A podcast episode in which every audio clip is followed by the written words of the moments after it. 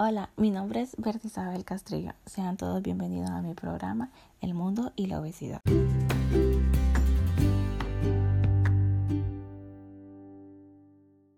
El día de hoy hablaremos de un artículo muy interesante, la cual tiene por nombre Obesidad y una perspectiva evolutiva. Comenzaremos describiendo qué es la obesidad.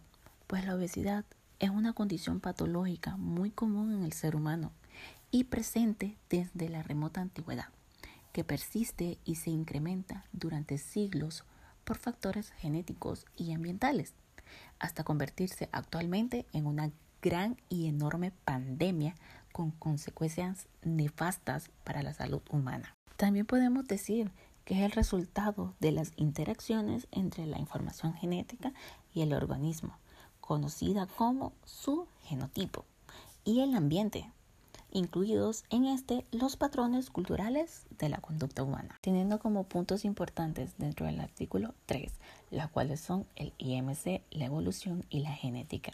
Comenzaremos hablando por el IMC. El IMC es el índice de masa corporal, la cual es el indicador sencillo, aunque impreciso, de ambos trastornos. La genética. En esos 70 milenios, los humanos modernos se diseminaron por todo el globo Poblaron Asia, Oceanía, Europa y América, donde habitaron una amplia gama de entornos y climas. Estudios a gran escala han revelado considerable cantidad de cambios o variantes genéticas acaecidas como resultado de la selección natural que atravesaron las variadas poblaciones humanas contemporáneas en los últimos 10.000 a 15.000 años. Que la evolución es la información albergada en nuestros genes.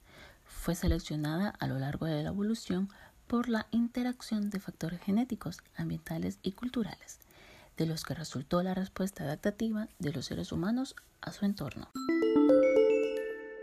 Haciendo una comparación con el artículo La obesidad como factor de riesgo, sus determinantes y tratamiento de la revista cubana de medicina general integral, tomando como puntos importantes las enfermedades asociadas con la obesidad como las cardiovasculares, hipertensión arterial, insuficiencia cardíaca, diabetes mellitus, dislipidemias, siendo otro punto importante los factores de riesgo que entre ellos están la falta de actividad física, las dietas no saludables, el historial familiar y las condiciones sociales y económicas. Espero la información sea de mucha ayuda y estemos más alertas ante esta gran pandemia global que ataca nuestras vidas al no llevar hoy en día una buena alimentación. Sin más preámbulos, que tengan un excelente día.